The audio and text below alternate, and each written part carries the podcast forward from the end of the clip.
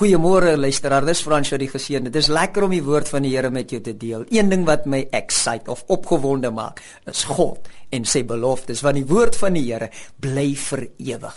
As daar niks is waaraan jy vashou nie, kom ek sê vir jou, dan is dit bad news. In hierdie wêreld trek die wêreld. Ek sê vir jou dinge gaan nog slegter gaan, maar as jy die woord van die Here het, kan ek vir môre vir jou waarborg, oorwinning is jou deel. Kyk saam met my deur na die onderwerp verandering deur aanskouing. Ons sien in Matteus 14 dat die Here Jesus kom stap op die water. Jo, 'n awesome prentjie. En Petrus kyk en hy sê: "Here, as dit jy is, sê ek moet toe kom." En die Here sê: "Kom aan." Hier klim Petrus uit die uit die boot uit op die water en hy begin te stap terwyl hy na die Here Jesus Christus kyk. En die Bybel sê hy stap ek sê vir jou dis dis een van die wonderlikste dinge wanneer jy begin ervaar die bonatuurlike in jou lewe is wanneer jy nie fokus op jou omstandighede nie maar na Christus kyk.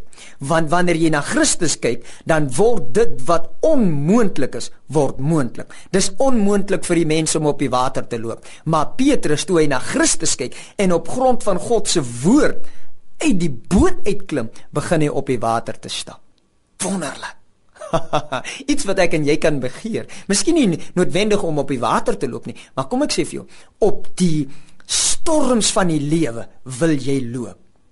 Jy wil graag loop bo dit wat mense onderkry, dit wat mense bang maak, dit wat mense bedreig, wil jy graag bo op loop.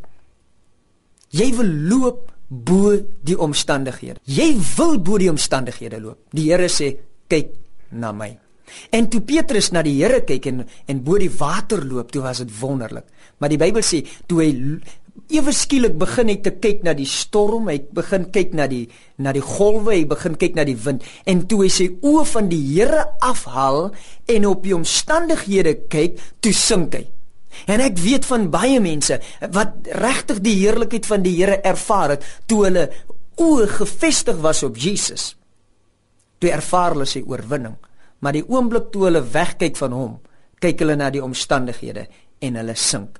Ek wil vir jou vanmôre sê, dis nie God se idee dat jy moet sink nie. Dis God se idee dat jy bo die water, bo die omstandighede moet loop. Nie soos wat baie mense sê, kop bo water nie. Dis nie God se wil nie. Dis voete bo water.